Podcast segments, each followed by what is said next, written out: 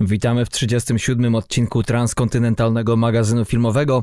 Z tej strony witam Was ja, czyli Darek. A z tej Patryk. Cóż, po upływie prawie miesiąca od ostatniego pełnego odcinka powracamy do Was po raz kolejny z audycją nagrywaną wspólnie. Jeśli chodzi o premierki nowe, to choć ostatnio może się nie przelewa, jeśli chodzi przede wszystkim o duże, a do tego udane produkcje filmowe, przykładem ostatnio jest rozczarowujący styl Hellboya, Weekend zaczynający się w piątek 25 kwietnia, a nawet dzień wcześniej, prezentuje się już o wiele lepiej. Tym razem mamy dla Was jedną z najbardziej wyczekiwanych premier roku, czyli ostatnią część Avengersów oraz dramat muzyczny Vox Lux z Natalie Portman w roli głównej. Natomiast gwoździem programu jest kolejna propozycja francuska, ale w odróżnieniu do ostatniego pełnego odcinka, tym razem nic w niej do śmiechu, a wręcz przeciwnie, ponieważ mamy do czynienia z tytułowym dramatem historycznym z 1994 roku, filmem mocno krwawym, pełnym podstępu, przemocy i szaleństwa, które, można by ironicznie rzec, wyznaczały wtedy trendy w ówczesnej, spowitej wojną religijną XVI-wiecznej Francji. To tyle tytułem wstępu. Zapraszamy na odcinek.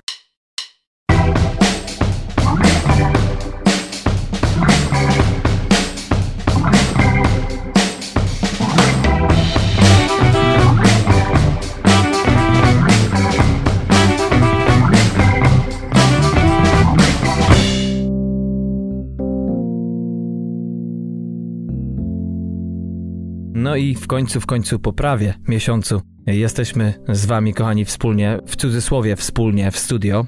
Patryku, ty jak wiadomo już po przeprowadzce z powrotem z Islandii, baza twoja jest w Gdańsku, szalałeś trochę ostatnio po Czechach, no i teraz z powrotem po świętach. No i powiedz, jak ta Polska, jak ten kraj ojczysty, fajnie? Jakaś reklamacja, czy wszystko cacy? Nie no, generalnie wszystko na plus. Temperatury przede wszystkim plusowe. Tam wyjeżdżałem, to jeszcze była końcówka zimy. Teraz wiem, że jest lepiej, ale jednak nie ma co porównywać do klimatów i krajobrazu ogólnie i społecznego i też jeśli chodzi o infrastrukturę, która na pewno bardziej przynajmniej jest mniej przyjazna z racji tego, że no nie powiem, że jestem jakoś tłumolubnym zwierzęciem, ale jednak wolę jak jest więcej niż, niż 5-6 osób na kilometr kwadratowy. Także no pozytywnie, pozytywnie na pewno. No teraz już w ogóle niedługo będzie fala upałów, więc no, gdzie tu jeszcze to lata, a, a już tutaj przez ten dwa tygodnie, no trzy prawie, no nie, prawie cztery, praktycznie już kilkukrotnie padała taka temperatura, jaka w zeszłym roku na Islandii była, no nie do ustrzelenia, już w te takie dość mocno letnie miesiące jak lipiec czy sierpień, także no sympatycznie. Spotkania ze znajomymi, no jeszcze w kinie nie byłem, to akurat Tutaj jest taka pięta achillesowa tego pierwszego miesiąca, ale mam nadzieję, że to też się niedługo zmieni. Także jest fajnie być z powrotem tutaj na dłużej niż dwa tygodnie czy trzy. Ja ostatnio też miałem jakoś tak słaby okres z oglądaniem. Trzeba powiedzieć, że chyba ta przerwa w cudzysłowie, mm, związana z tym, że przeprowadziłeś się z powrotem do Polski, ja też jakby też nie mieliśmy czasu nagrać wspólnie, więc i mi troszeczkę wyluzowało to wszystko, bo jednak pierwsze trzy miesiące, trzy i pół prawie, to była jakaś kompletna masakra, jeśli chodzi z napięciem grafiku. Natomiast ostatnio pracy sporo, natomiast jeśli chodzi o propozycje filmowe, to aż dałem oczom wytchnąć, bo chyba też dobrze zrobić sobie raz na jakiś czas przerwę. Co zresztą my widzimy jako twórcy podcastu, na przykład po tym, że najczęściej słuchalność jednak jest y, no, o wiele mniejsza, na przykład w okresie świąt, y, na przykład Bożego Narodzenia czy Wielkiej Nocy. Wtedy widać, że jednak ludzie koncentrują się na innych ważniejszych, można powiedzieć, rzeczach, a dopiero potem wracają z powrotem, żeby zbingować coś, bo, bo trzeba jednak odpocząć od świąt zazwyczaj. No tak, a potem wejdą klimaty majówkowe i też e, trochę lżejszy temat na ruszt się wrzuca. No ale to tak to jest u nas. Tym bardziej jak tak zbliżone są do siebie, jeżeli chodzi o terminy właśnie święta razem z majówką. Także zakładam, że większość z Was, no z nas, kinomanów odpoczywa teraz. Wiadomo, okres teraz, można powiedzieć, już gry o tron, więc wszyscy trzymają kciuki, skupiają się na właśnie tej ostatniej bardzo krótkiej serii. Pewnie oglądając po kilka razy odcinek. Ja pierwszy już widziałem raz sam, raz z żoną, także pewnie jeszcze raz obejrzę, zanim obejrzę kolejny. No ale taki to już jest los, jak to moja żona mówi, Los Angeles. Mhm. Jedną z e, rozmów, którą ostatnio odbyłem ze znajomymi, to była a propos tego, czy Kit Harrington, czyli Jon Snow, czyli Jasiek Mróz, jest e, dobrym aktorem, bo w zasadzie no, ja nie widziałem go w niczym innym, większość osób też nie. Co ciekawe w ogóle, bardzo wiele osób, które uwielbiają grę o tron, wcale nie uwielbiają jego aktorstwa. Mówią, że ostatnio to już jest coraz lepiej ta postać poprowadzona przez ostatnie sezony, ale też jakoś nie do końca znoszą to. Ja nie wiedziałem za bardzo co, jak e, na to odpowiedzieć, ale ostatnio, dzień przed premierą pierwszego odcinka, Kit Harrington poprowadził SNL, czyli Saturday Night Live, w którym to wziął udział w wielu sketchach, no i oprócz fatalnego początku i tego monologu, który zawsze jest po prostu tak trąci myszką, jak nawet mysz sama, nie? No ale jednak powiem ci szczerze, że no, w ogóle w tym odcinku miał zgolone wąsy, więc wyglądał zupełnie jak nie on sam i muszę powiedzieć, że aktorsko ten facet naprawdę sobie radzi świetnie i to nie tylko w tak zwanym straight acting, ale też w parodii. Zupełnie świetnie mu to wychodzi, jak grał gościa, który niby to był Michaelem Jacksonem, niby to Princem, e, no może nie odkrywa on Ameryki swoim aktorstwem, ale jego zacięcie i można powiedzieć e, nieapologetyczny sposób gry to jest coś, czym zyskał mój szacunek, muszę się przyznać. Wiesz co, ja jakiś czas temu przypadkiem zupełnie trafiłem na film bodajże Tajniacy, nie wiem, z jakimś podtytułem Mniejsze Zło, coś takiego. Właśnie z nim on grał jakiegoś e, agenta chyba, coś typu Mission Impossible i Tom Cruise zresztą chyba wzrostem podobni są. I no nie przekonywał mnie, w ogóle zresztą sam film był dość słaby. Przerwałem po dłuższej chwili. No ale faktycznie, że tak to chyba jest, że, że jednak można wyciągnąć postać sam scenariuszem, w sensie dialogami. Że nie mówię, że cały serial czy film wyciągnąć całe słabe aktorstwo, ale gdzieś w takim tłumie tych aktorów też jeden z głównych bohaterów może jednak jakoś tam się, wiesz, zatuszować z tymi swoimi brakami ewentualnymi. Nie wiem, nie oglądałem tego SNL-u, ale też jakby widzę to, że, że jakieś tam braki może mieć. Tak jak na przykład Bran. Ostatnio widziałem wywiad z Branem, który gra jego brata, Kalekę, który ma chyba teraz 20 lat i mówi, że no od 10 lat gra w grze o tron, tak pół jego życia to jest gra o tron i w ogóle praktycznie całe życie aktorskie czy kariera to jest związana z tym. Chyba mówi, że raz chyba w jednej czy w dwóch reklamach zagrał. Także to było wszystko.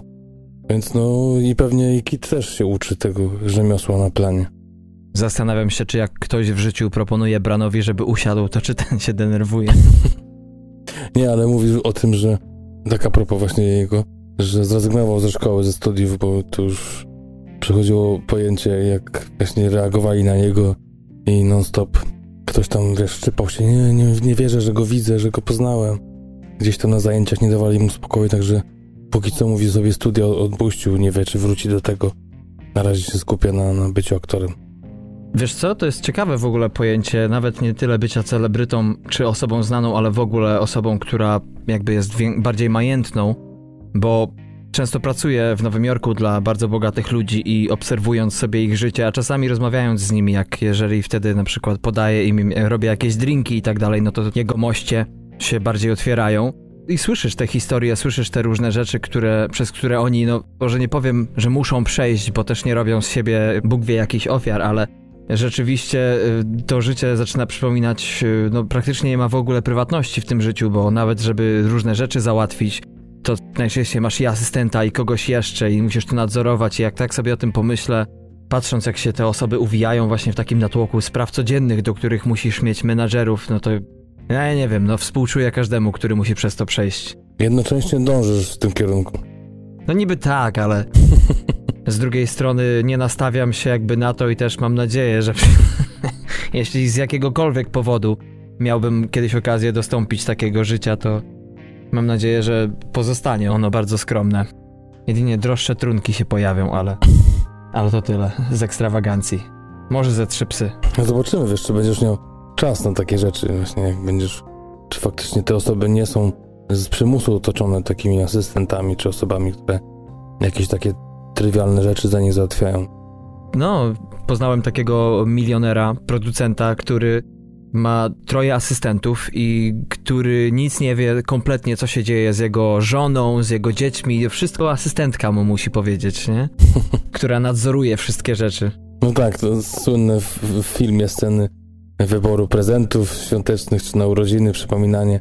To pewnie ten typ człowieka i sytuacji. Tak. Zawsze jest jeden asystent, który pamięta o urodzinach twojej żony czy męża, o urodzinach twojej kochanki czy kochanka, także te rzeczy ładnie odseparowywują. A propos aktorstwa i zarabiania z tego kokosów, to jest to pewien przedmiot dyskusji między aktorami, co by woleli. Czy by woleli na przykład zagranie w jednym, tak jak Leonardo DiCaprio, na przykład w jednym projekcie w roku, czy co kilka lat, ale wybranym, za co zarobisz sporo pieniędzy, ale coś, co będzie może wymagało większego poświęcenia a propos roli, czy też wolałbyś za mniejsze pieniądze pracować non-stop, żeby było jak najmniej okazji do tego, żeby po prostu się nudzić, czy musieć chwytać za inne rzeczy? To są problemy dziwnego świata. Póki co jeszcze nawet i nie mojego. To się tak mówi, że to są, wiesz, ludzie bogaci, czy no bardziej majętni niż zwykły zjadacz chleba, ale to widać po różnych problemach, jakie mają, że jednak czasami chyba ci, którzy mieli najbardziej udane kariery, Sir John Hurt na przykład, który masę projektów zrobił przez te wszystkie lata i to był facet, który w zasadzie do ostatniego swojego dnia e, zasuwał, kręcił filmy po całym świecie i no nie uratowało go to do końca, ale e, przynajmniej może to życie miało jakieś lepsze.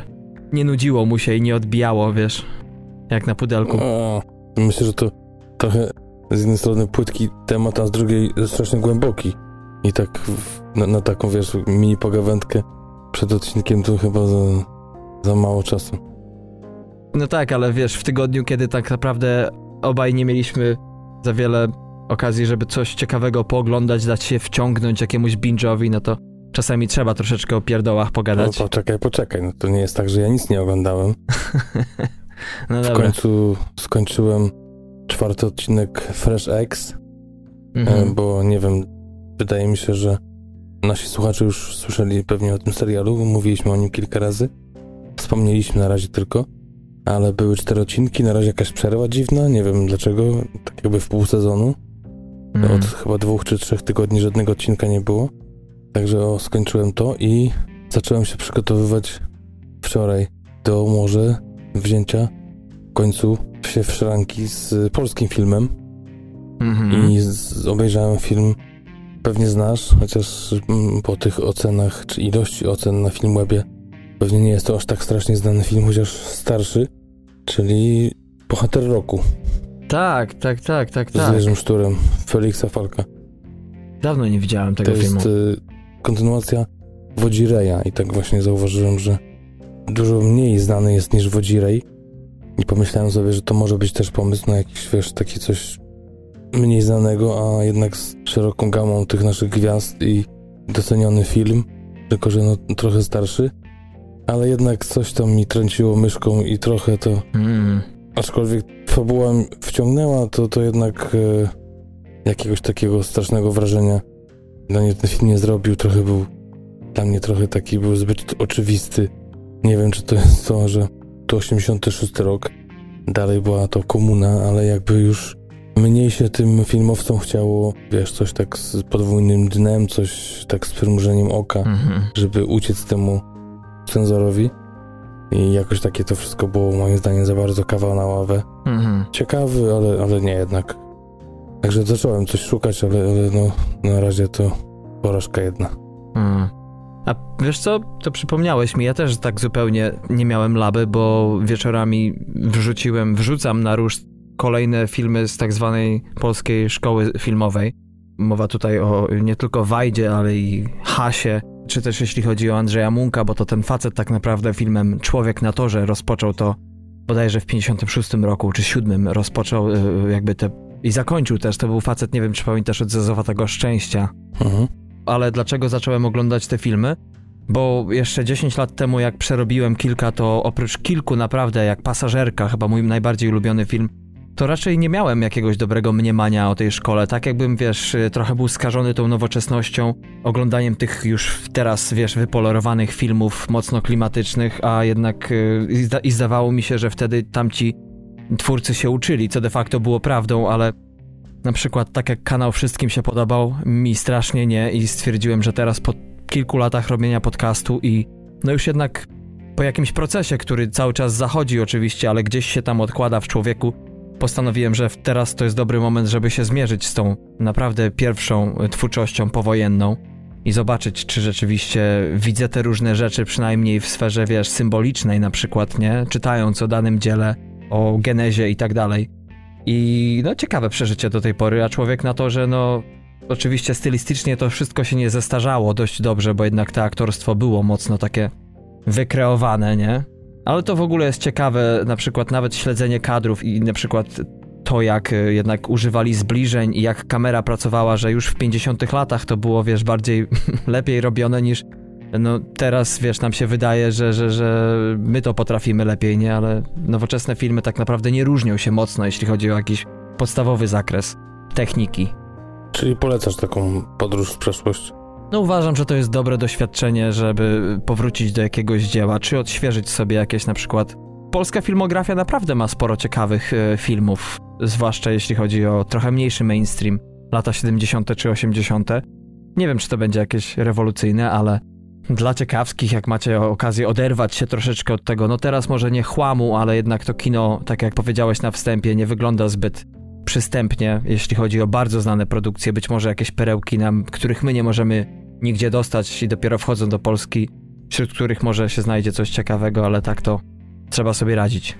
Właśnie tak mi się jeszcze skojarzyło z tym moim, to co powiedziałem, gdzieś tam powrót do przeszłości, że widziałem wywiad właśnie z Michaelem J. Foxem ostatnio, który naprawdę jest mm -hmm. w niezłej formie, pomimo tego, że walczy już z chorobą Parkinsona od wielu, wielu lat, nie wiem, chyba 15, 20. Mm -hmm. Naprawdę chłop się trzyma i też oczywiście agituje różnymi akcjami wspomagania młodszych ludzi i starszych dotkniętych tą chorobą, ale naprawdę trzymam kciuki za niego, bo, bo wydawało się wiele lat temu, że no, świat biznesu się zamknął przed nim, a on dalej występuje i właśnie jest takim dość dalej rzutkim i nie wiem, czy to są jakieś specjalne, wiesz, metody leczenia, że on tak się trzyma, bo wiadomo, że jakieś tam elementy tej choroby było widać, ale to naprawdę było znikome i praktycznie w ogóle nie przeszkadzało w rozmowie, także fajnie. No, wiesz, jeszcze ciekawe, czy z postępem technologii i być może dzięki postępowi technologii, ale także tego, że jednak y, imię aktora jest dość nośne, no to czy kiedyś nie wynajdą w końcu metody odwracania tej choroby i przez to, że on jest znany, wypróbują na nim, no i jeszcze okaże się, że facet będzie grał, hmm. wiesz, długie, długie lata, nie? Dłużej niż by się wydawało. Oby, oby. Wiesz, ten świat się zmienia strasznie, już nie wchodzimy teraz na medycynę, ale ale na przykład znam y, reżysera i aktora, który od ponad 15 lat jest chory na AIDS. AIDS czy tu wirus HIV? Na AIDS. I to jest właśnie ta różnica, nie? Że mhm. z wirusem HIV to przecież y, Magic Johnson żyje od wielu, wielu lat, nie? Zresztą przez to odszedł od profesjonalnej koszykówki, ale jeszcze 20-30 lat temu to to byłby powiedzmy wyrok, no w zawiasach wyrok dla człowieka, a teraz dzięki drogim, ale jednak lekom można to życie przedłużyć o no, nie wiadomo, póki co żyje i trzyma się dobrze. No i tym oto może powoli zmiękczającym tonem przejdziemy do jakichś może w końcu stałych elementów naszego programu, ale tylko powiem, że zapowiem może coś takiego, Darek, nie wiem. W sumie o tym nie rozmawialiśmy, ale dwa lata nam minęły naszemu podcastowi i chcemy zrobić taki odcinek specjalny, którym poopowiadamy. W sumie też zastanawiałem się, o czym tu mówić, ale podałeś ciekawy temat właśnie tego, żebyśmy się podzielili tym, co oglądamy, albo na przykład co jest dla nas kultowe, co jest dla nas y, świetne, e, w którą stronę ze swoimi wyborami takimi codziennymi idziemy. Wiadomo, że w tych naszych półodcinkach i w ogóle w housekeepingu często mówimy o tym, no ale to jakby są rzeczy, które oglądamy teraz, tak, a nie mamy dwa latka, każdy z nas, tylko po x lat mamy i dużo lat za nami oglądania a myślę, że przez to, że skupiamy się właśnie na tych nieodkrytych perełkach, to może słuchacze by chcieli się dowiedzieć z takich, nie wiem, poważ poważnych, z takich y, znanych dzieł, czy znanych właśnie hitów, które nas inspirują, czy do których porównujemy kolejne filmy, czy jakich szukamy, jaki jest nasz gust filmowy. A dwa też ciekawe zawsze zagadnienie jest, o tym już mówiliśmy i dziś, i, i wcześniej, sama ocena filmów, czy sam sposób patrzenia na nie, bo to raz, że zmienia się to wiadomo, ale dwa, że też ty i ja jesteśmy tak różnymi osobami, że zakładam, że też są ogromne różnice, jeśli chodzi o to, z jakiego kąta patrzymy na produkcję, co tak naprawdę tobie najczęściej, wiesz, rzuca się na pierwszy rzut, co przykuwa twoją uwagę, bo obaj mamy za sobą przeszłość aktorską, natomiast e, mimo wszystko jednak e, być może jest tak, że ja jednak skupiam się na właśnie na tym czynniku bardziej niż, niż, niż ty i myślę, że ciekawa dyskusja się urodzi. To pewnie za dwa tygodnie będzie, bo jeszcze chyba wcześniej zrobię swój półodcinek, bo ty wyjeżdżasz e, na urlop niedługo, prawda? Tak, wyjeżdżam na krótki tygodniowy urlop obiecany żonie jeszcze w czasach jak byłem na Islandii, także na 7 równe dni wyjeżdżamy. No, nieważne gdzie. Może się coś okaże na Instagramie. O. Związane z, z filmem. Może nie mówię tak, nie mówię nie, ale może gdzieś tam, może będzie zagadka, gdzie byłem. Strasznie dużo razy powiedziałeś może, także. no, taka podświadoma odpowiedź. Ale jedną rzecz też mogę zdradzić, że pod koniec czerwca i w lipcu będę w takim miejscu w Europie, gdzie będzie bardzo ciekawy festiwal filmowy. Się odbywa w tym czasie. A, no proszę. Poza Polską, także ciekawe, czy nasi słuchacze, czy fani festiwali filmowych y, no, odgadną, co to będzie za festiwal właśnie na przełomie czerwca i lipca. Czerwca i lipca. E, to Google e, na podorędziu. No dobrze, to tak już po ciutkę naciąganym housekeepingu przejdziemy sobie może do premier, bo tych premier jest, y, no można powiedzieć dwie, ale tak naprawdę są trzy, prawda? Bo jeszcze jest y, propozycja, o której może dziś nie powiemy za dużo, ale jest to propozycja dla najmłodszych. No tak, y, za nami weekend, o którym nawet chcieliśmy coś powiedzieć, ale tak jak powiedzieliśmy, tak niestety jak się przyjrzycie, czy może nawet próbowaliście w ten weekend świąteczny pójść do kina na coś nowego, to niestety, ale słabo, słabo. Mm. Kilka tytułów było, ale naprawdę nisko ocenianych i mało osób nawet chciało się na te filmy wybrać, więc wspominaliśmy ten weekend, który za nami, a skupiliśmy się na tym, który jest przed i tak mamy właśnie propozycję na odpowiednio wtorek, czwartek i piątek. Tak jest. Pierwsza z nich, wtorkowa premiera, to film Praziomek, Missing Link, jest to komedia, e, film animowany oczywiście. I e, no, wytwórni Laika i Anna Purna Pictures to są jedne z tych, jak patrzycie na tytuły, oprócz A24, to są jedne z tych e, najbardziej na topie wytwórni filmowych. Akcja dzisiejszej animacji, akcja wtorkowej animacji opowiada o panu Link, który rekrutuje odkrywcę Sir Lionela Frosta, aby pomóc odnaleźć jego dawno zaginionych przodków i krewnych w legendarnej Dolinie Shangri-La i wraz z poszukiwaczką przygód Adeliną Fortnite trójka odkrywców podróżuje po świecie, aby pomóc nowemu przyjacielowi. Tak w skrócie można opisać akcję filmu.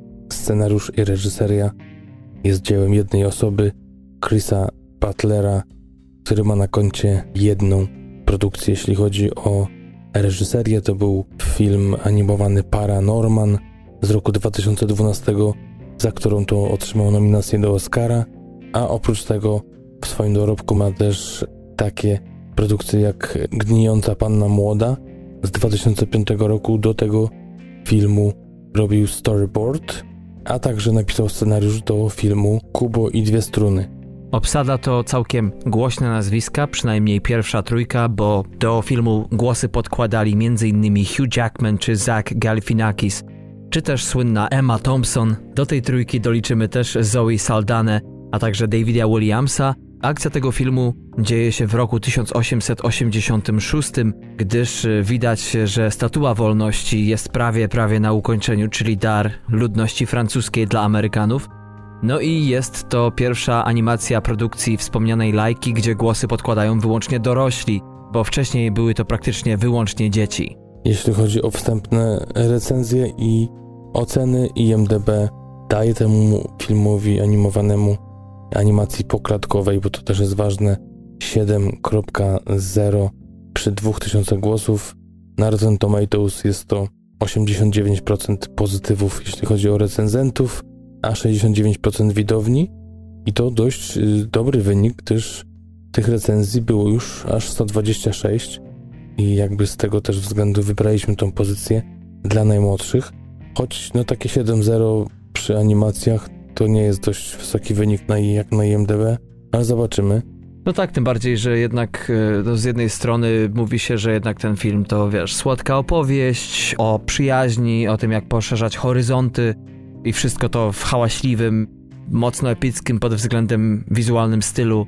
No i mówi się, że w ogóle jest fajnie dopracowany ten film i zachwyca, ale też y, są tacy, którzy nie boją się przecież wypowiedzieć krytycznie o nim. Tak, jeden z recenzentów, nie wiem czy to chodzi o twórców, czy generalnie film dla dzieci, powiedziała, bo to była kobieta, że źle się czuje z powodu ostrej krytyki, ale jednak musi powiedzieć, że odpowiedź na taki film jak Missing Link, no ten film po prostu mnie nie zrobił. Tak to można ją zacytować, tą krytyczkę, panią krytyk, y, pomimo genialnej animacji, także właśnie wielu i recenzentów i gdzieś tam osób głoszących opinie mówi o tym niesamowitym przepychu, jeśli chodzi o stronę wizualną. Mhm. Także myślę, że chociaż dlatego warto się wybrać ze swoją pociechą czy pociechami w tym okresie takim właśnie świąteczno-świątecznym, bo tutaj z jednej strony mamy Wielkanoc, z drugiej majówkę. Tak jest. A i nowy rok za pasem. A rzeczywiście, być może to jest jeden z tych filmów, wiesz, na którym po prostu dorośli się nieco mocniej nudzą, bo zazwyczaj te najbardziej udane propozycje animacyjne to jednak są filmy, na których bawią się dobrze zarówno dzieci, jak i dorośli, a w tym przypadku być może to jednak tym bardziej jest skierowane dla dzieciaków, które nie mają tych swoich wypracowanych e, widzimisię, jeśli chodzi o filmy. Czas trwania to półtorej godziny, także zapraszamy. Jeżeli macie dzieci lub musicie odbębnić, powiedzmy, czas spędzony z chrześniakiem, no to sytuacja idealna. A 16 milionów po 10 dniach od premiery to chyba nie jest najgorszy wynik. Też coś, co może Was skłonić do właśnie pójścia na film Paraziomek. Dość mocno spolszczona nazwa. Tak jest, a jeżeli chcielibyście nieco większych wrażeń, jeżeli to Wam nie odpowiada, no to mamy dla Was całkiem pokręcony film Vox Lux, o którym Patryk wcześniej wspomniał. Propozycję z Natalie Portman, który to film, no w zasadzie nie, nie, wiem jak dokładnie go określić po tych wszystkich materiałach, które na jego temat widziałem i, i wywiadach, ale jeden z recenzentów napisał o tym filmie, że to jest taka bardziej cyniczna wersja, bardziej beznamiętna czasami narodzin gwiazdy Bradley'a Coopera. Od trudka można powiedzieć na ten przebój. No właśnie powiem ci, że strasznie mnie podkręcił trailer do tego filmu, który umieściliśmy na naszym profilu na Facebooku kilka tygodni temu. A szczególnie taka jedna scena gdzieś tam, nie wiem czy pamiętasz, przed pójściem na imprezę. Mhm. Tak dość jednoznacznie określająca te postacie, które występują. Widać, że to jest coś takiego na granicy dramatu i komedii, pastiszu, e, ale nie wiem jak to wygląda. Taki Lars von Trier się pojawia, powiedzmy, nie? Przebija tu i ówdzie. tak, tak, tak mi się wydaje właśnie, chociaż tego pana akurat nie lubię. Ale no, to jest coś w tym stylu. A akcja opowiada o Celeste, która, kiedy była nastolatką, wydarzyła się w jej życiu wielka tragedia. Był to rok 1999. Po zaśpiewaniu na pogrzebie Celeste staje się gwiazdą popu dzięki pomocy Eleonor oraz jej agenta. Jednak jej kariera nie potoczyła się tak, jak można byłoby oczekiwać, a w 2017 roku Celeste stara się powrócić do łask świata muzyki po skandalu, który kilka lat wcześniej praktycznie przekreślił jej karierę. Premiera filmu to 4 wrzesień zeszłego roku na festiwalu w Wenecji. Film ten wziął udział w konkursie głównym, no i do swojej premiery kinowej w Stanach Zjednoczonych, która miała miejsce 18 listopada w zeszłym roku. Film ten zjeździł wszystkie praktycznie festiwale, które można było wymienić, że wspomnę tylko o Toronto, Chicago, Londynie, Sztokholmie czy Singapurze. Za scenariusz i reżyserię wziął się tutaj Brady Colbert. Jest to bardzo młody, bo 30-letni aktor, który no właśnie z tego jest bardziej znany z występu choćby w takich produkcjach jak Thunderbirds, w Melancholii wspomnianego Von Triera, może stąd e, lekko ten styl. To na pewno. No i oprócz tego jeszcze widzieliśmy go w małej roli w miniserialu, o którym także już mówiliśmy na łamach TMF-u, Olive Kittredge z Frances McDormand w roli głównej, a dzisiejszy film jest jego drugim filmem pełnometrażowym. I tak jak wspomniałem na początku, w roli głównej w tym filmie gra Natalie Portman w roli właśnie Celeste. Tą panią oczywiście kojarzycie z filmu Leon Zawodowiec z 1994, ale oczywiście też za pewnie Czarnego Łabędzia Darena Aronowskiego, w którym to wystąpiła w roku 2010, by po roku otrzymać za tą właśnie kreację Oscara. W zeszłym roku wystąpiła w filmie Netflixa Anihilacja Alexa Garlanda, a teraz czekamy na premierę kinową filmu The Death and Life of John F. Donovan. Premiera miała miejsce Toronto we wrześniu ubiegłego roku. Jest to film reżysera Xaviera Dolana, który oczywiście gościł w naszym podcaście ze swoim filmem Matka, a partneruje jej tam e, Kit Harrington z gry o Tron, a także Katie Bates, Susan Sarandon, Tandy Newton, a Jessica Chastain, jak już kiedyś opowiadaliśmy, została przez e, Dolana wycięta. Darku, przepraszamy cię w imieniu Dolana. Tak. No jakoś przeplatają się tutaj właśnie te wątki. Kit Harrington to jest ten film, na który my też czekamy, bo miał być to kolejny duży krok do przodu Xaviera Dolana, o którym pewnie jeszcze będziemy wielokrotnie mówili na naszej antenie. Powracając jeszcze szybko do reżysera, to jeżeli ktoś ma ochotę przed tym filmem zmierzyć się z jego stylem, to jeszcze jest takie dzieło jak Dzieciństwo Wodza z 2015 roku. Tam pojawił się tym filmem, jakby wypłynął na szersze wody jako reżyser w Wenecji. Otrzymał tam i nagrodę dla reżysera, i jeszcze udział w konkursie Horyzonty. No i był to dość mroczny i całkiem na serio film o tym, jak to mały chłopiec zostaje dyktatorem i nie byle jaka obsada, bo znana z artysty Berenice Bejo, a także Liam Cunningham czy choćby Robert Pattinson. Nie znam. A wracając do obsady tego filmu, Jude Law w roli menadżera, Celeste, e, tego pana kojarzycie na pewno z filmu Sherlock Holmes, Gaja Ritchiego w 2021 wystąpi już w trzeciej części właśnie z tego cyklu. Oprócz tego ostatnio znany bardzo i doceniany serial Młody Papież, a w tym roku zagra w filmie A Rainy Day in New York, zapewne komediodramacie Woody'ego Allena. Oprócz dwóch głównych postaci mamy też Stacey Martin, która gra współautorkę piosenek właśnie Eleonor. Tą panią mogliście widzieć w filmie Wontiera oczywiście, Ninfomanka 1 i 2 z roku 2013 i czwóreczkę, o której dzisiaj powiemy, aktorską dopina Jennifer L. Tą panią możecie znać z miniserialu Duma i Uprzedzenie z Colinem Firthem, nagroda BAFTY w 1996, a oprócz tego narratorem w filmie jest Willem Dafoe, dokoptowany ponoć w ostatniej chwili. Tak jest, warto dodać, że w tym filmie główną rolę miała zagrać i przez długi okres figurowała właśnie w ten sposób Rooney Mara, ale potem właśnie Natalie Portman ją zastąpiła. Oprócz tego autorem choreografii do filmu jest mąż Natalie Portman. No i dla fanów e, Czarnego Łabędzia jest w tym filmie taka scena, nie będziemy spoilowali, ale jest przełomowy moment w tym filmie, do sfilmowania którego użyto pomieszczenia, które kiedyś użyte było do nakręcenia Sportman, bliźniaczo podobnej sceny w filmie właśnie Aronowskiego Czarny Łabędź. To samo pomieszczenie i ten sam temat, także taka ciekawa ciekawostka. Oby to ta scena łóżkowa. Ale to ja tylko mówię, nie spoiluję, bo nie wiem, nie widziałem. Także była tam scena łóżkowa? Dobra. E, oceny, recenzje. IMDB na tą chwilę 6.0 przy 7000 głosów, także nie jest za dobrze. Rotten Tomatoes 59% przy aż 202 recenzjach i średniej ocenie 6.3. Tutaj mówimy o ocenach recenzentów i 43% przy ocenie 3 na 5, jeśli chodzi o widownię. Także bardzo, bardzo średnio. Mówi się o tym, że ciężko film oskarżyć o monotonię, także o tym, iż ciekawe spojrzenie na nowoczesne zafiksowanie celebrytami jest tutaj w konwencji mocno dystopijnej, a także, że jest to wymowna, pop art house'owa produkcja, ala millennialsowa drag queen.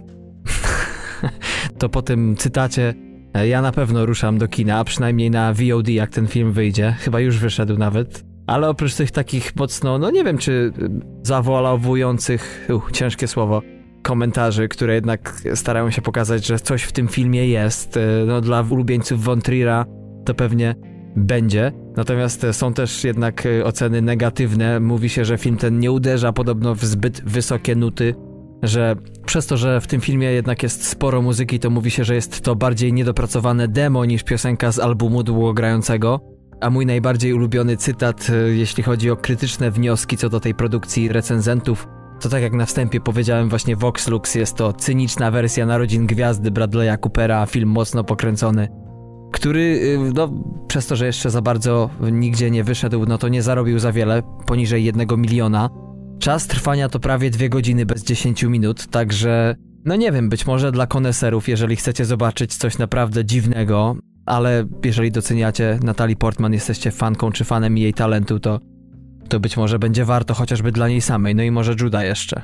Ja powiem tak, dla trailera warto, dla głównych dwóch postaci też oceny już słabo, a to, że ocieramy się tutaj o Wontiera też trochę mnie odstręcza, ale kto wie, gdzie mnie tam zawieje, jak nic innego nie będą grali. No być może to jest troszeczkę coś bliższego Magnoli z Kirsten Dunst. Y, być może to nie jest coś już naprawdę odpalonego, ale zobaczymy. Jak nie na to i nie z dzieciakiem, czy całą bandą na poprzednią produkcję, no to być może będziecie chcieli się wybrać, może lekko z przymusu, lekko z obowiązku, bo wszyscy o tym mówią. na pewno ja tak pójdę, z, na pewno z obowiązku na chyba najbardziej, no jeden z najbardziej oczekiwanych filmów roku. Skoro mówią, mówią, no to może trzeba na to pójść. Avengers, koniec gry, produkcji Marvel Studios, dystrybucji Walta Disneya Motion Pictures. Cicho, bo może słuchają. No i jest to sequel do Avengers Wojna bez granic z roku 2018. I opowiada o tym, jak to po tragicznych wydarzeniach z poprzedniej części wszechświat jest w ruinie. Z pomocą pozostałych sojuszników Avengers zbierają się ponownie, aby odwrócić działania Thanosa i przywrócić porządek we wszechświecie. Widać, że rok takich zakończeń. Mhm. Kończy się Gra o Tron, kończą się Avengersi. Do tego Mark Ruffalo zapowiedział, że już nigdy nie wcieli się w rolę Hulka. Ale wiesz, nie bój, poczekaj, bo niby Gra o Tron się kończy, ale już na naszym Facebooku, no już nawet rok temu, podawaliśmy informację, że już w planach są kolejne części Gry o Tron, ale wcześniejsze. Nie wiadomo, czy to będzie film, czy, czy seria opowiadające o genezie całej historii. Tak być może tutaj też, wiesz, jedni Avengersi odchodzą do lamusa, ale coś musowo się pojawi. Revengersi pewnie. Tak, ktoś po prostu nie będzie w stanie się pożegnać z sagą i odświeży co nieco. Premiera tego filmu to 24 kwietnia w Stanach e, wychodzi co ciekawe w dzień po premierze polskiej. Za reżyserię odpowiadają tutaj bracia Joe i Anthony Russo. Poprzednie filmy to na przykład Ja, Ty i On, komedia z Owenem Wilsonem sprzed 13 lat, a także Kapitan Ameryka Zimowy Żołnierz z 2014 roku, czy też poprzednia właśnie część Avengersów Wojna bez granic. Za scenariusz odpowiadają dwaj panowie, którzy napisali to na, oczywiście na podstawie oryginalnego komiksu autorstwa m.in. Stana Lee ale również i Jacka Kirby'ego oraz Jima Starlina. I to są panowie w osobach Christopher Marcus, który ma w swoim dorobku scenariusze do takich filmów jak Sztanga i Cash. Wiem, to nie zachęca. 2013 rok, ale, ale opowieści z Narni 2005, czy właśnie poprzednia część Wojna bez granic, to też jest jego dzieło. To oni powinni ten tytuł, przepraszam cię, że wejdę, ale powinni ten tytuł zamienić na Sztanga i Crash. A nie wiedzieli, że to będzie taki, wiesz... taki hit, no taki no. hit. To się chłopaki przeliczyły. Tak, oprócz tego Steven McFeely, który jest, no, stałym współpracownikiem Markusa, można by nawet spokojnie przemilczyć jego CV, gdyż wypadało po prostu się powtórzyć, ale dołożymy do tego jeszcze mokrą robotę, którą też razem zrobili z roku 2007 może brzmi słabo, ale jest to film z Benem Kingsleyem, Johna Dola, który oczywiście również napisał z ziomem Krzyśkiem, czyli z Christopherem Markusem. I ten akurat miał dość dobre oceny, więc może nie był takim crashem jak ten z 2013 roku. W rolach głównych mamy Brie Larson. Ostatnio brylowała w głównej roli, jeśli chodzi o film Kapitan Marvel, ale oprócz tego zdobyła Oscara za film Pokój, można też wyliczyć jej występ w Kong Wyspa Czaszki sprzed dwóch lat. Scarlett Johansson, można wymienić tu m.in. Black Widow w przygotowaniach, ale ostatnio Lucy czy Vicky Cristina Barcelona jeszcze wcześniej. Robert Downey Jr. Ostatni taki dobry film z jego udziałem, oprócz oczywiście e, Sherlocka Holmesa, to Sędzia z 2014 roku. No, oprócz tego mamy też Chrisa Hemswortha, Chrisa Evansa, no i Marka Ruffalo, o którym wspomniałeś, dla którego będzie to pożegnanie no pewnie już w ogóle z filmami akcji. Tak właśnie się zastanawiałem, jak wyliczyłem tych 23 aktorów, których znam. Co to by był za przebój Oscarowy, gdyby zamiast science fiction to był dramat psychologiczny. Co nie? Nie?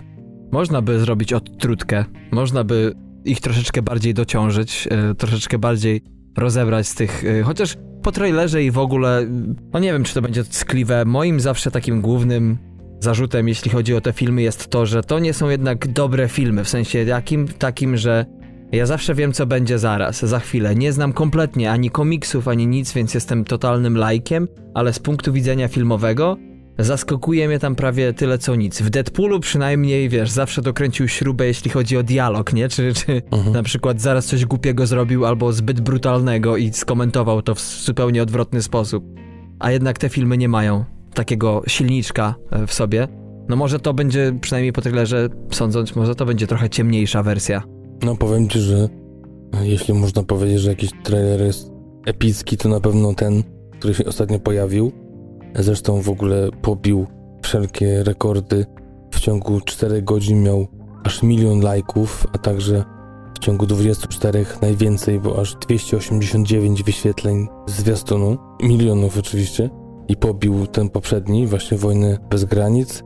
Jest to też najdłuższy film nie tylko ze stajni Marvela, ale w ogóle ponoć najdłuższy kinowy film o superbohaterach, bo będzie trwał 3 godziny i 1 minuta.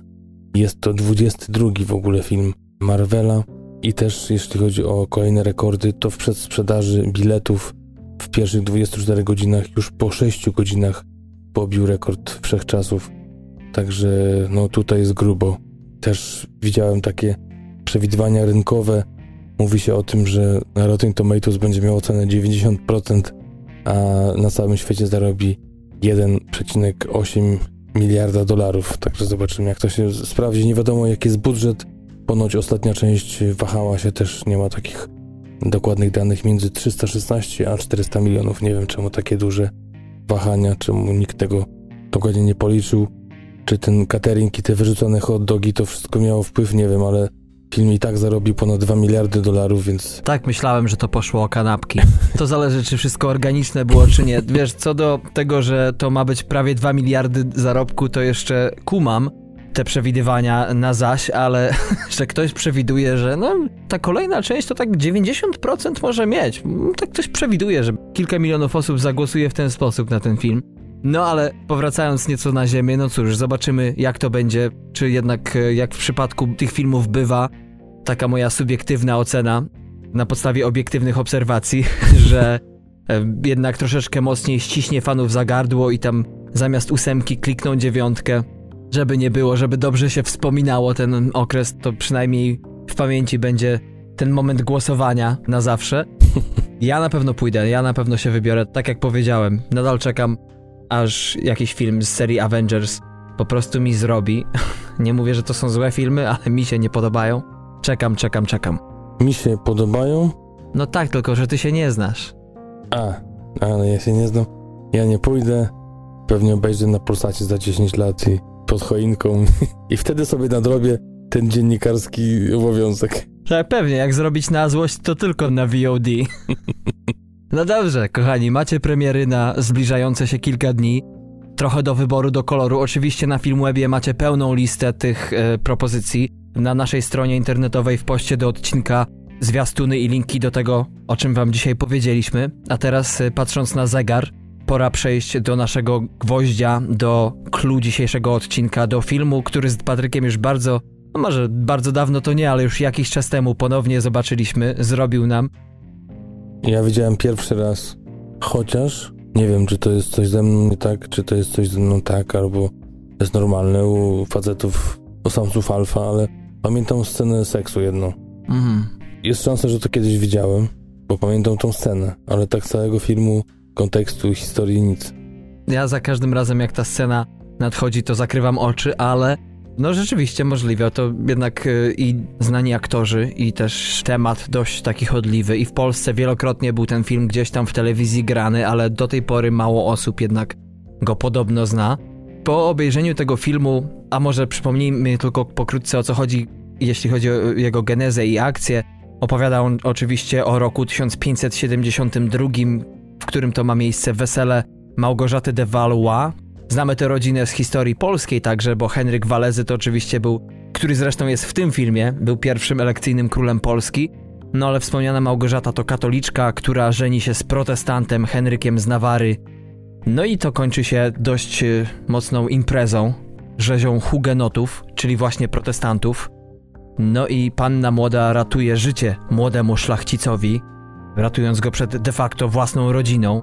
Patryku, jakie były twoje pierwsze wrażenia po tym filmie? Bo ja muszę powiedzieć, że jak się bawić to tylko po francusku. Tak bym ten skwitował trochę sarkastycznie film. Zbyt dwuznacznie to powiedziałeś. Ja zacznę od tego, że y, rok 1994 jest według mnie po tych wstępnych 37-letnich badaniach najlepszym rokiem, jeśli chodzi o kino i wcale tego filmu do tej listy nie doliczałem, więc jest kolejny powód, żeby uważać, że to jest właśnie ten rok, kiedy Forrest Gump, kiedy Pulp Fiction, kiedy Skazani na Shawshank, Leon Zawodowiec, czy też Wywiad z Wampirem, Król Lew, Speed i można by tak wymieniać przez cztery wesela i pogrzeb. No, może Prawdziwe Kłamstwa też był i też jakieś komedyjki, które też zostały kultowe jak Głupi i Głupszy, to dołączamy do tej listy, to naprawdę robi się już poważnie, jeśli chodzi o, wiesz, te zawody, ten pościg, który rok jest najlepszy. Ostatnio widziałem jakąś listę z 1999 i ponoć też tam jest sporo takich tytułów, więc już to mnie uderzyło, że wpadamy w ten rok takich perełek niesamowitych. Mm. No jeszcze w Polsce, to tylko przypomnę, były przecież trzy kolory czerwony. A jak? Śmierć jak kromka chleba. No przecież. Nie? Psy. Przecież y, Tarantino wygrał w wyścigu właśnie o najlepszy scenariusz właśnie z y, Kieślowskim. Swoją nagrodę za Pulp Fiction. Spis cudzołożnic jeszcze był. O, proszę. Fakt, 94 to jest, jakby to było wino, to chyba nie było lepszego lata, nie? Mhm. A jak się to zimą piło. W każdym razie wracając do tej masakry i do tego, to znaczy nie do tego filmu, że masakrą, tylko tej, tej masakry wyczytałem gdzieś w jednej z recenzji, że ponoć zginęło wtedy 50 tysięcy protestantów, także mm. tu widzimy tylko ułamek tego tak naprawdę, ale muszę przyznać, że pierwsze zetknięcie to nie było za ciekawie, w sensie nie uważałem tego za coś specjalnego, troszeczkę nie wiedziałem o co chodzi się gdzieś tak wszystko kręciło w jednym miejscu. Nie potrafiłem wyczuć klimatu. Trochę mi Daniel Oto i lekko wystawał, nie pasował trochę.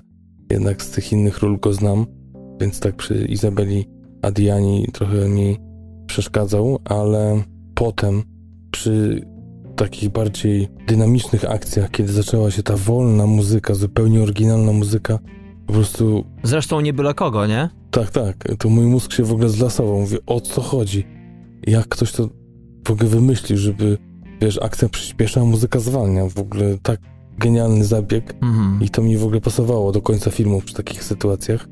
I teraz Darek powiesz, kto jest autorem muzyki, czyli... Goran Bregowicz, a końcowy już w ogóle utwór w tym filmie, no to dla mnie to jest chyba jeden z najlepszych utworów, jeśli chodzi o muzykę filmową, jaki w życiu słyszałem. Sam nie ukrywam, że najlepszy film, jaki w życiu widziałem do tej pory i najlepsza muzyka to jest jednak źródło Aronowskiego i ten soundtrack mógłbym po prostu słuchać w nieskończoność, co się zresztą dzieje od czasu do czasu.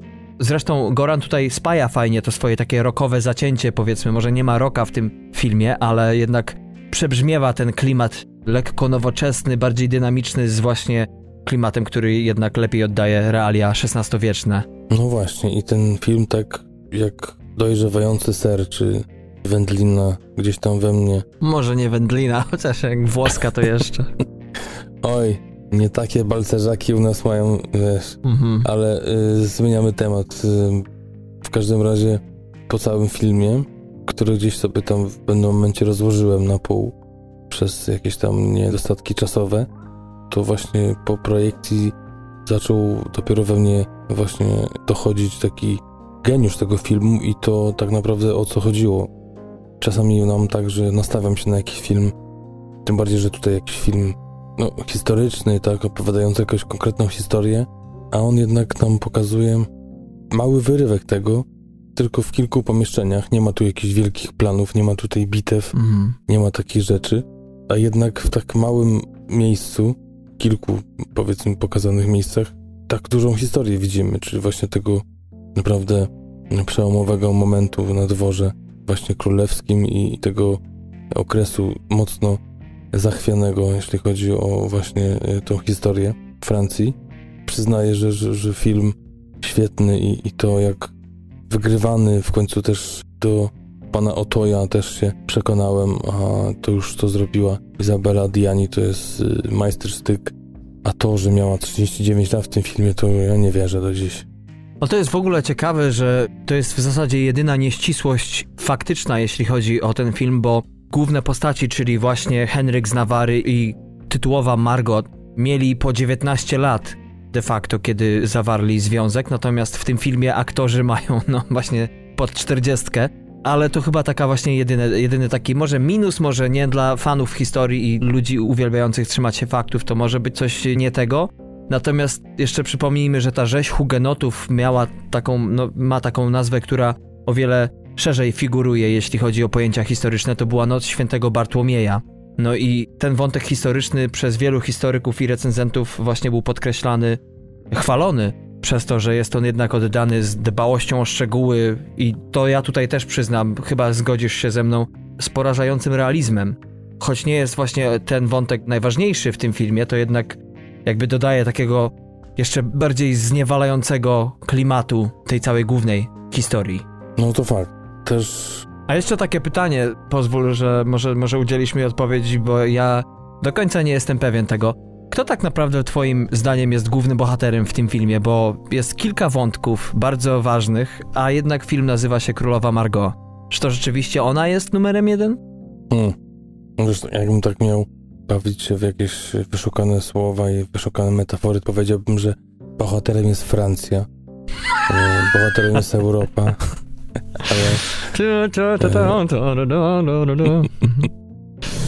Ale wiesz co, tutaj... Hmm, hmm. Ciężkie pytanie, nie? Ciężko, ciężko. No bo ona na pewno jest y, pośrodku tego wszystkiego, prawda? Mhm. Trochę też Bibra... No, no nie, no ciężko. Matka. to chyba jest jeden z największych plusów, jeśli chodzi o ten film. Przynajmniej tak mi się wydaje, że zresztą ten film został nakręcony na podstawie powieści Aleksandra Dumasa, który znany jest przecież z najważniejszych jakby powieści historycznych w historii Francji, Trzech Muszkieterów, Człowieka w żelaznej masce, hrabiego Monte Cristo i tak dalej. Podobno książka opowiada o tym w dość mocno badalny sposób i to chyba jest pierwsza taka sytuacja, kiedy to właśnie nie film, a pierwowzór lekko średniawo wychodzi. No bo to był właśnie ten taki pierwszy problem z tym filmem, że on jakby na pierwszy rzut oka za dużo nie opowiada. Mhm. Za dużo się nie dzieje. Ta akcja dzieje się tylko w kilku miejscach i to wcale nie skorelowanych ze sobą, to wydaje się trochę nie, że jest o niczym, ale że jest o, o czymś małym, za małym na taki film. Mhm. I też zakładam, że nie czytałem książki, ale też i w książce może to być trochę przepych takich, wiesz, opisów przyrody, opisów tego, co widzimy, zamiast tego, co się dzieje. Tak, tak. I, i może przez to może być taki może odbiór książki, nie wiem, takie jest moje pierwsze skojarzenie, ale właśnie to, jak jest to przedstawione i przez te kreacje aktorskie, tą chemię między aktorami, między postaciami, które gdzieś tam mm, czują do siebie takie czy inne uczucie, mhm. to to właśnie w tych emocjach jest wygrywana cała ta e, akcja. To jest jakby akcja na emocjach, nie wiem jak to w ogóle nazwać. To na pewno, bo wiesz, y, co ciekawe zresztą, ten film był podobno na początku o wiele dłuższy, bo 160 minut to był oryginalny czas trwania, skrócony do 138. Podobno oceny, jak i słaba frekwencja położyły na początku ten film. Potem reżyser i jeden ze scenarzystów, czyli Patrice Chéreau, dokonał kilku zmian.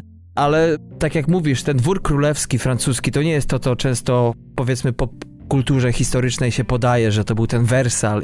Potem były te peruki, ale że to było to takie wyszukanie i tak dalej. A tutaj mamy jednak, wiesz, dekadencję, można powiedzieć łagodnie to powiedziane, ale mamy też hipokryzję, mamy właśnie, mamy tutaj różne konszachty, ludzi, którzy tylko czekają, aby rozprawić się z jednym czy drugim, walki stronnictw i w zasadzie jak tu żyć, panie?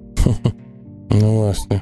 I tak też gdzieś czytałem o porównaniu tego filmu do Braveheart, e, że tam był ten przepych akcji, były te przejazdy, te bitwy, mhm. a gdzieś ten wątek taki miłosny, wątek uczuciowy i też takie uczucie jak miłość braterska czy nienawiść, to gdzieś tam bardziej było wygrywane właśnie w dynamicznych momentach, a tutaj w takich właśnie statycznych czy skrytych, gdzieś jak ktoś jest w ukryciu, przeżywa jakieś podsłuchane rozmowy, y, jakieś zdarzenia, mhm. że to jest właśnie takie trochę przeciwieństwo tego, chociaż tam też było i dużo tego, co tutaj, tych emocji.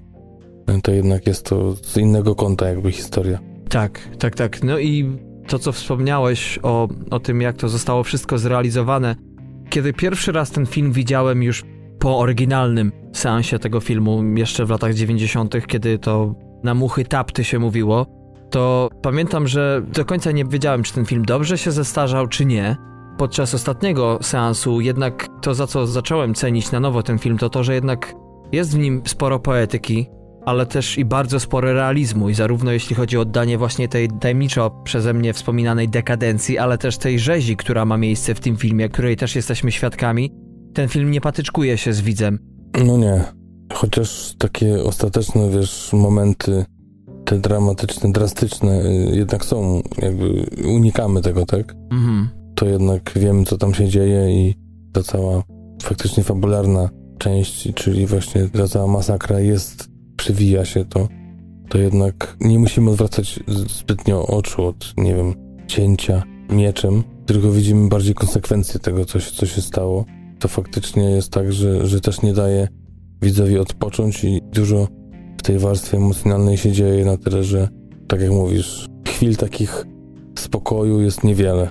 Tym bardziej, że jak wspomniałem już, mamy tutaj te stronnictwa, te różne frakcje, które zwalczają siebie. Mamy Margot, która jakby jest po środku tego wszystkiego, która też ma swoje pragnienia, która też jednak opowiada się za jedną czy drugą stroną i można powiedzieć lawiruje poniekąd y, przez film. No mamy tutaj Henryka, granego przez Daniela Otoja, króla Nawary, który jest kompletnie zagubiony. To mi uwierało na początku, jeśli chodzi o niego. Jest, jest tutaj taką kompletną ciapą, można powiedzieć, ale też nie do końca. Mamy braci, którzy mają swoje za uszami i chyba mamy postać, dla mnie przynajmniej ten aktor, za co zresztą został odpowiednio nagrodzony, zdominował ten film, jeśli chodzi o jego kreację. Jean Anglade, który zagrał króla Karola IX Walezjusza, no która to była chyba rolą życia dla niego. Nie znam innych ról tego pana. Przeglądałem się nawet jego biografii, widziałem taki film jak Złodziej Życia z Angeliną Jolie, mhm. ale też Nikitę z 1990 roku, czy też Betty, ale no nie kojarzę w ogóle tej twarzy z tych filmów. Ale faktycznie on, on przechodzi raz, że przemianę, dwa z takiego władcy, z którym no, mało kto się liczy, gdzieś tam dojrzewa i, i naprawdę, tak jak mówisz, zakładam, że jest rolą życia. Po prostu jest świetna, temu nie można zaprzeczyć. To jego szaleństwo w ogóle, ta jego próba raz dominacji, dwa bycia dominowanym, bo też trzeba powiedzieć, że matka rodu, która jest to osobą mocno despotyczną, która nie ucieknie się przed niczym, żeby, tak przynajmniej twierdzi, czynić coś dla dobra swoich dzieci. Non-stop to powtarza przez cały film. A wiadomo, że często im głośniej się coś powtarza, tym czasami zaczyna człowiek się zastanawiać, czy rzeczywiście tak jest. No tak, tym bardziej, że zmienia też te swoje podejście do dzieci w sensie takim, że no jednak tych dzieci ma więcej niż jedno i ten podział może nie miłości, tylko atencji i pragnienia dobra czasami jest, no po prostu się wyklucza tak jedno dziecko uszczęśliwić, drugie wręcz przeciwnie i tutaj też musi zmieniać te fronty i też się do tego dostosowywać. Tak naprawdę do końca nie wiemy, czym się kieruje i czy to naprawdę jest ta miłość, chociaż te łzy, które od czasu do czasu płyną, mm, są dość jednoznaczne, to jednak jej czyny, zgoła mówiąc co innego, też świetna rola i świetna postać kolejna w tym filmie, wbijająca się. Tak jest zresztą y, zagrana przez włoską aktorkę Virne Peralisi, czy Virne Lisi, jak to figuruje, jeśli chodzi o ten film. I ta aktorka otrzymała za tę rolę Cezara za rolę drugoplanową, podobnie jak właśnie wspomniany Anglade grający króla. Jeśli chodzi o twórców tego filmu, to tutaj jest nie byle kto, bo mamy tutaj dwójkę scenarzystów, e, Daniel Thompson i drugim scenarzystą jest reżyser Patrice Chéreau. Jeśli chodzi o Daniel, no to jest to córka znanego Gerarda Uriego. Może nie kojarzycie z pierwszej ręki tego nazwiska, ale jak e, wspomnicie sobie choćby takie filmy jak Gamoń z Louis de Finesem, czy całą masę, na przykład Wielką Włóczęgę, Zresztą w tym filmie debiutowała jako współscenarzystka z ojcem. Potem była nominowana do Oscara. To jednak tutaj mamy nie byle kogo. No i ona przez większość czasu tak naprawdę współpracowała z nieżyjącym już ojcem, a potem jednak zaczęła tworzyć coraz bardziej poważne filmy. Nie wiem, czy widziałeś taki film jak Mężczyzna moich marzeń z Juliette Binoche i Jeanem Reno z 2002. Czy na przykład Prywatki, słynny film, w którym, który to był początkiem kariery Sophie Marceau. No i też jakby warto pamiętać o tym, że wcześniej, już dużo wcześniej, na początku kariery, w 75 roku, za film Kuzyn, Kuzynka, była nominowana do Oscara za scenariusz. Pani urodzona w Monako, no już dość zasłużona była, kiedy przystępowała do tego filmu. No i znana, tak? Tak jest. No tak samo drugi scenarzysta i reżyser Patrice Chéreau zmarły w 2013 roku w wieku 69 lat. Rozpoczynał od Comédie Française w Paryżu. Znany też jako aktor, bo wystąpił na przykład w Dantonie Andrzeja Wajdy z roku 82 z Gerardem Depardieu. Też na swoim koncie ma takie tytuły jak Ostatni Mohikanin Michaela Mana czy Czas Wilka Michaela Hanekego. A chyba jego taki najbardziej znany film to Intymność z 2001 roku, oprócz dzisiejszego. Był to dramat erotyczny z Markiem Rylansem, który zdobył nagrodę w Berlinie, Cezara e, i tak dalej. Tak, chociaż samemu twórcy, czyli właśnie Shero, tego srebrnego niedźwiedzia, za reżyserię właśnie przyniósł dzisiejszy film, czyli Królowa Margot na 53. festiwalu w Berlinie. Tak jest. Jeszcze były takie filmy jak Mężczyzna zraniony, to był jego pierwszy poważny film czy jego brat, który przyniósł mu w 2003 roku Srebrnego Niedźwiedzia, także w Berlinie. Czy też, y, jak widziałem, debiut 75 rok z niespełna 30-letnią Charlotte Rampling, też pani, która zawsze mi się kojarzyła, że źle może zabrzmi, ta pani zawsze jest, była stara.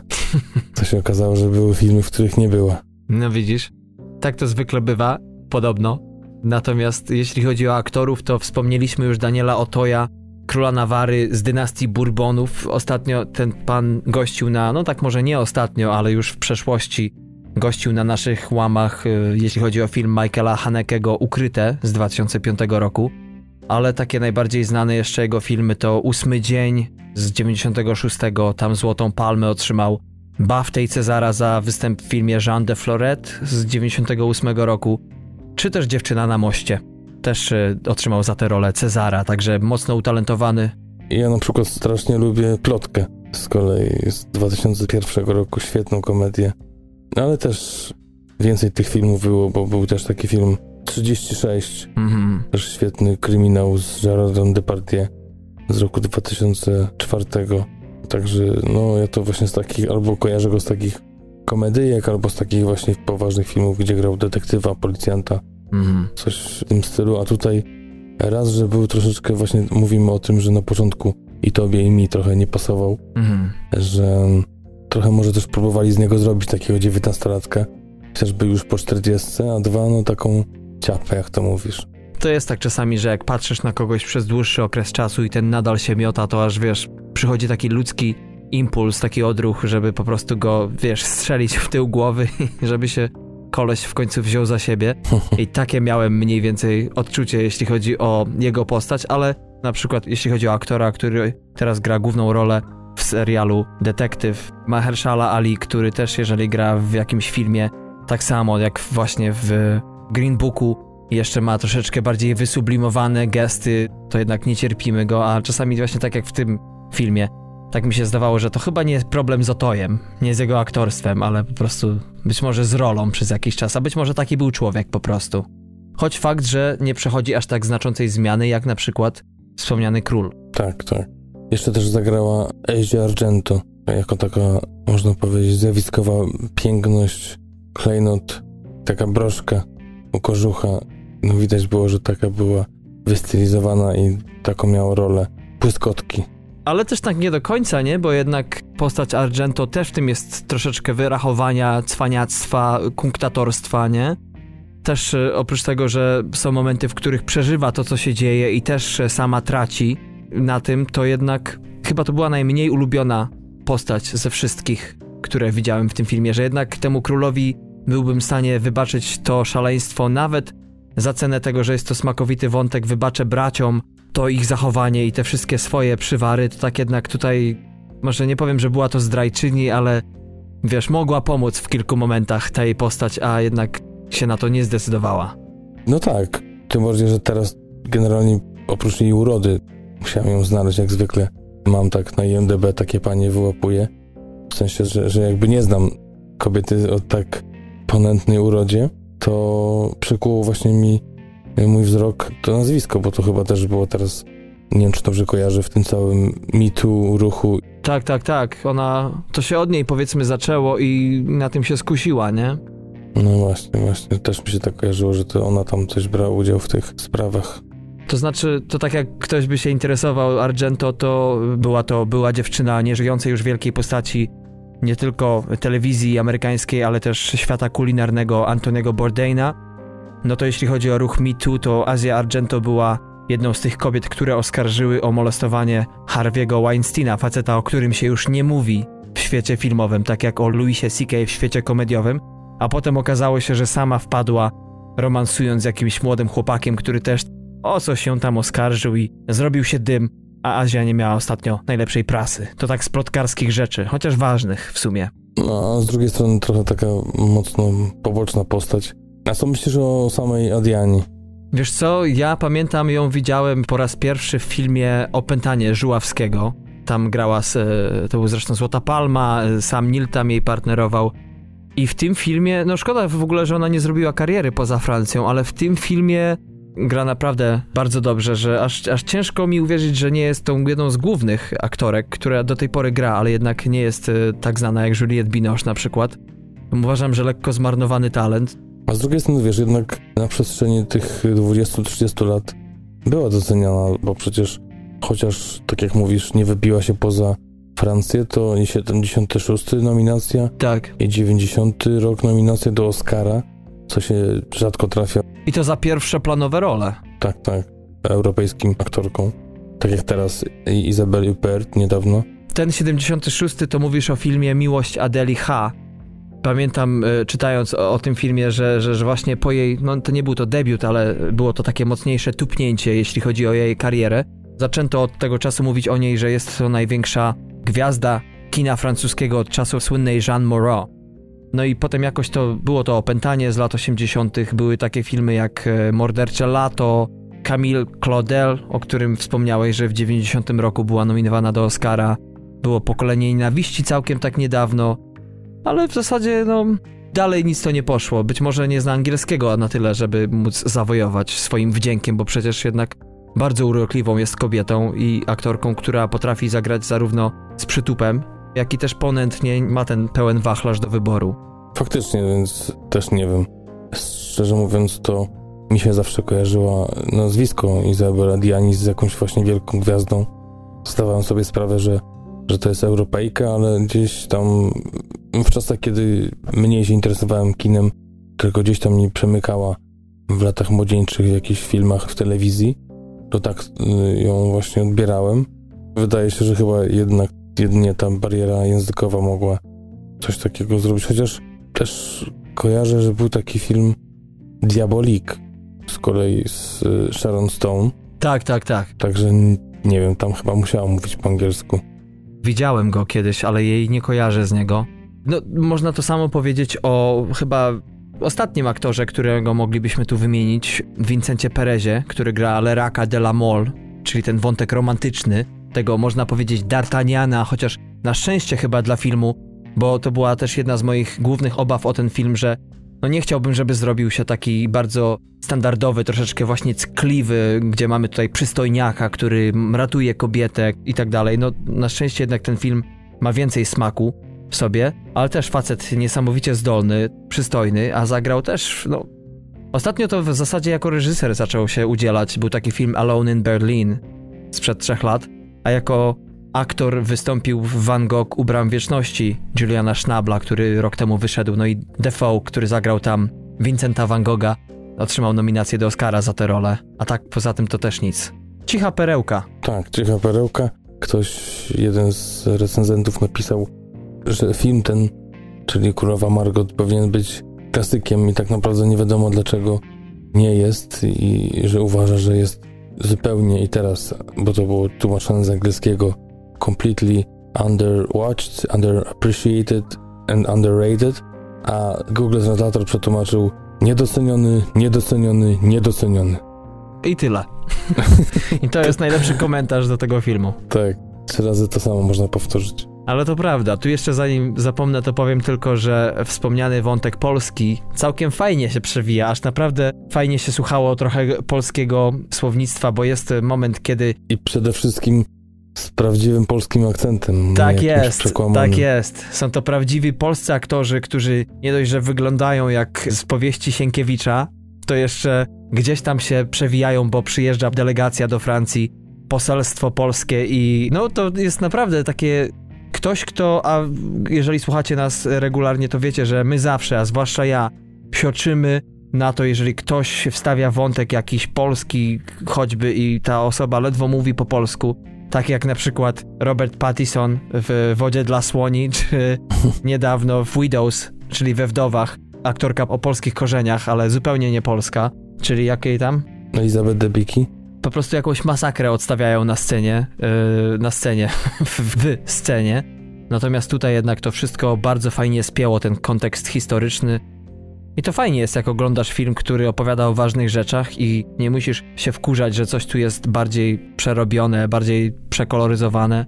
Raczej w tym filmie jeśli chodzi o właśnie te rzeczy, czy to masakry, czy to jakieś rzeczy no, niemiłe, czy inne, to jednak to tak wygląda, jakbyśmy, jak, jakby rzeczywiście miało być, prawda? No właśnie. Znowu dochodzimy do tego, co tak naprawdę się stało, że ten film nie był dostrzeżony, że tak naprawdę w tych najważniejszych festiwalach filmowych to dość słabo błyszczał. Warto dodać, to znaczy, no, pamiętajmy, że to był ten wyjątkowy rok, tak? Mhm. Bo jeżeli chodzi o Oscary, to tutaj była tylko nominacja do kostiumów, ale już na Globach y, w 95 w tym samym roku była już nominacja za najlepszy film i tak samo nominacja do BAFTY. Tak jest. No i w Cannes pełna wygrana. Nagroda jury, tak. Tym bardziej, że jednak jeśli chodzi o oceny, to co na Rotten Tomatoes to jest troszeczkę tutaj dziwniej, bo 81% krytyków ocenia ten film pozytywnie, więc wydaje się, że dobrze, ale przy średniej ocenie 6,3 na 10, także to już jest nie tak cacy. Ale jeśli chodzi o ludzi, no to tutaj jest ocena 4 na 5 na Rotten Tomatoes. Na IMDb to jest 7,5 przy, o ile dobrze pamiętam, około 15 tysiącach głosów, czyli jak na film starszej daty, no, w cudzysłowie francuski, sprzed 30 kilku lat, no to to nie jest źle. No nie, nie, nie, nie, nie jest, także nawet to mamy taki próg 30 tysięcy głosów. Uznajemy, że to jest film nieznany. Tutaj ten film ma około chyba 17 tysięcy głosów, co jest i tak dość sporo na taki stary film. To jednak wydaje się, że to nawet nie jest tylko kwestia Polski, co w ogóle jest y, niedoceniany i zamiast być kultowym, to jest po prostu, no właśnie, uznawany za taki film, który gdzieś tam jest świetny, ale z nie wiadomo jakich przyczyn nie został, nie przebił się przez te salony i tej czołówki się nie, nie zalicza. Pamiętam, jak jeden z krytyków powiedział o tym filmie, że to tak jakby Romeo i Julia brnęli przez e, fosę pełną płynącej krwi, a wszystko zostało zrealizowane w stylu takiej furii jakobińskiej, gdzie właśnie przeplata się i ta zmysłowość, i ten styl wysoki, czyli lekko właśnie wystylizowany i dialog, i, i, i postaci. I to wszystko spina reżyser, który znany jest jednak z tego, że lubi czasami po prostu puścić tę wodzę i, i zobaczyć, gdzie to wszystko pomknie. To chyba moim zdaniem najlepiej opisuje ten film. A ja tak ostatnio zacząłem zaglądać, jak mówimy o jakichś filmach, co na to Ebert, czyli słynny krytyk Roger Ebert. I tutaj dość przeciętnie, bo 2 na 4 dał, on ma taką ocenę tylko do 4, chociaż daje połówki. A tutaj powiedział ostatnie zdanie z jego recenzji, że Królowa Margot jest jak wyszukane ilustracje do książki, której nie przeczytaliśmy. I jakbyś się do tego odniósł na przykład? To ciężko zmagać się z tymi rzeczami, bo w pewnym sensie ci ludzie mają rację, zależy kto jak podchodzi do danego dzieła, z jakimi oczekiwaniami, bo spotkałem się z, ze zdaniami krytyków, którzy oceniali, że ten film po prostu, że wszystko w nim to tak naprawdę sceneria, nawet y, akcja jest scenerią. Sporo tutaj jest brutalności, ale jest to długie, że nie trzeba się kupy. Uważam, że w tym filmie naprawdę można znaleźć sporo smaczków. Zupełnie inaczej się ten film ogląda niż te wszystkie dzieła z lat 90., bo skazani na Shawshank mają naprawdę swój klimat. I można powiedzieć to o wszystkich, które już dziś wymieniłeś. Przede wszystkim o filmie polskim, który te pierwsza połowa lat 90. jest chyba naj, moim najbardziej ulubionym okresem w polskim kinie, oprócz oczywiście klasycznych komedii z czasów komuny. A ten film generalnie ogląda się jakby on był z 70., 80., ale brakuje mu właśnie tego, czym się charakteryzuje wiele tytułów z tamtego okresu, czyli właśnie takiego słabego zestarzenia się, takiego wystylizowania. To już nie kupuje się tego. Człowiek już bardziej jednak wolałby oprócz takiego absurdu aktorskiego zobaczyć więcej niedopowiedzenia, cichszego dialogu, nie? Mhm. No wiesz, na przykład y, ciekawa obserwacja jest, jeśli porównamy ogólne wyniki finansowe tego filmu, czyli to, że jednak jest na lekkim minusie, bo jak na film francuski to sprzed 25 lat, to budżet dość potężny 18,3 miliona dolarów, a zarobił 16,3, prawie tyle samo. To i tak też świetny wynik, ale i właśnie z racji wysokiego budżetu to no nie udało się doskoczyć. Ale to jest jedna strona medalu, a druga jest taka, że w Wielkiej Brytanii z kolei zarobił 600 tysięcy funtów, co na tamten e, rok był w ogóle rekordem i do dzisiaj, licząc w ogóle inflację, wszystko jest jednym z najlepiej dochodowych filmów zagranicznych wszechczasów w Wielkiej Brytanii, także no też ciekawe, że, że nie wiem, Wielka Brytania tak tu u mnie poszła. Wiesz, jest wiele takich tytułów, które do dziś w świadomości widzów, także w Polsce, y, figurują jednak jako te takie klasyki, czyli na przykład Duma i Uprzedzenie, Natomiast uważam, że ten dzisiejszy film to jest taka brudna jednak część tej historii, że to wszystko, tak jak się mówi, że w Wersalu było tyle dzieł sztuki i, i, i taki przepych, ale przecież nie było toalet i wszyscy robili po kątach, a potem się urządzało raz na miesiąc wielkie sprzątanie Wersalu. I tak ten film jest rozgrywany, dodajmy, w autentycznej scenerii, co jest wielkim plusem, bo i zarówno kanały, jak i ulice, jak i wnętrza pałacu są tymi, którymi się kiedyś przechadzali królowie i królewny.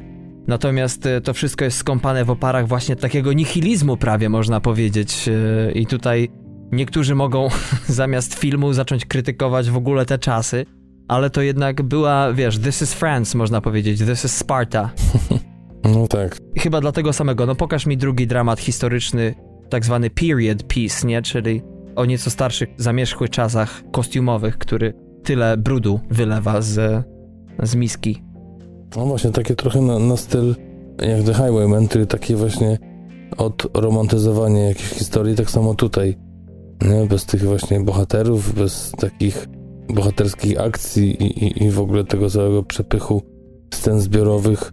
Tam w tym filmie, o którym mówię przed chwilą, Netflixa, to jest demitologizacja no, dwójki zbrodniarzy. Tutaj mówimy o całej historii, o, o całym takim właśnie romantyzmie też tego jak to oddawały inne filmy, jaki był przekaz, jaki był odbiór tych czasów, że niby było krwawo, niby się dużo działo, dużo wojen, ale jednak to jakoś takie ładne było.